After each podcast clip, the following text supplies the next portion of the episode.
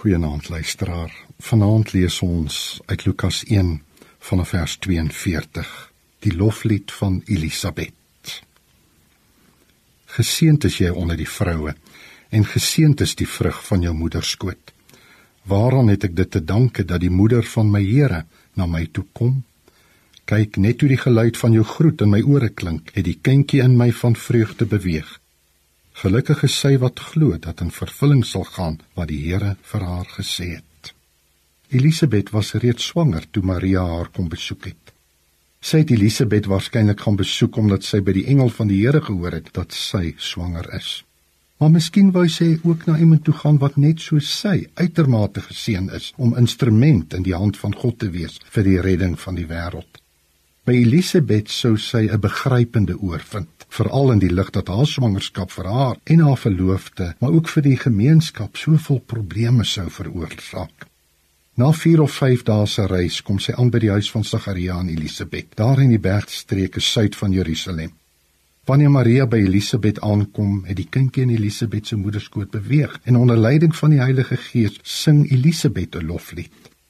Elisabet se lied is die eerste loflied of adventslied wat wys op die kindjie Jesus wat in die moederskoot van Maria gevorm sou word wat as Here aangeroep word. Geseënd is jy onder die vroue en geseënd is die vrug in jou moederskoot. Waaraan het ek dit te danke dat die moeder van my Here na my toe kom? Elisabet is die eerste sangeres op aarde van wie ons weet wat gesing het oor die Here, oor die kind in die moederskoot van Maria oor die kind die verlosser wat gebore sou word. Daar's geen sweempie van jaloesie te bemerk in die optrede en woorde van Elisabet nie.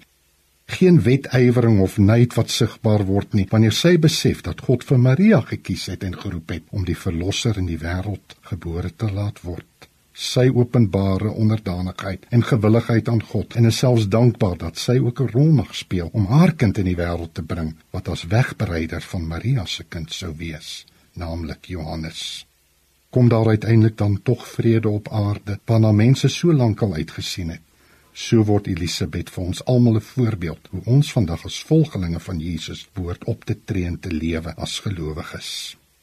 Dankie Here dat Kersfees vir ons juis wil leer dat daar nie wetywering onder gelowiges hoef te wees nie, maar eerder 'n tyd van dankbaarheid, nederigheid om te aanvaar dat U ons almal wil gebruik om juis ook Jesus as ons verlosser te kan aanbid en te kan volg.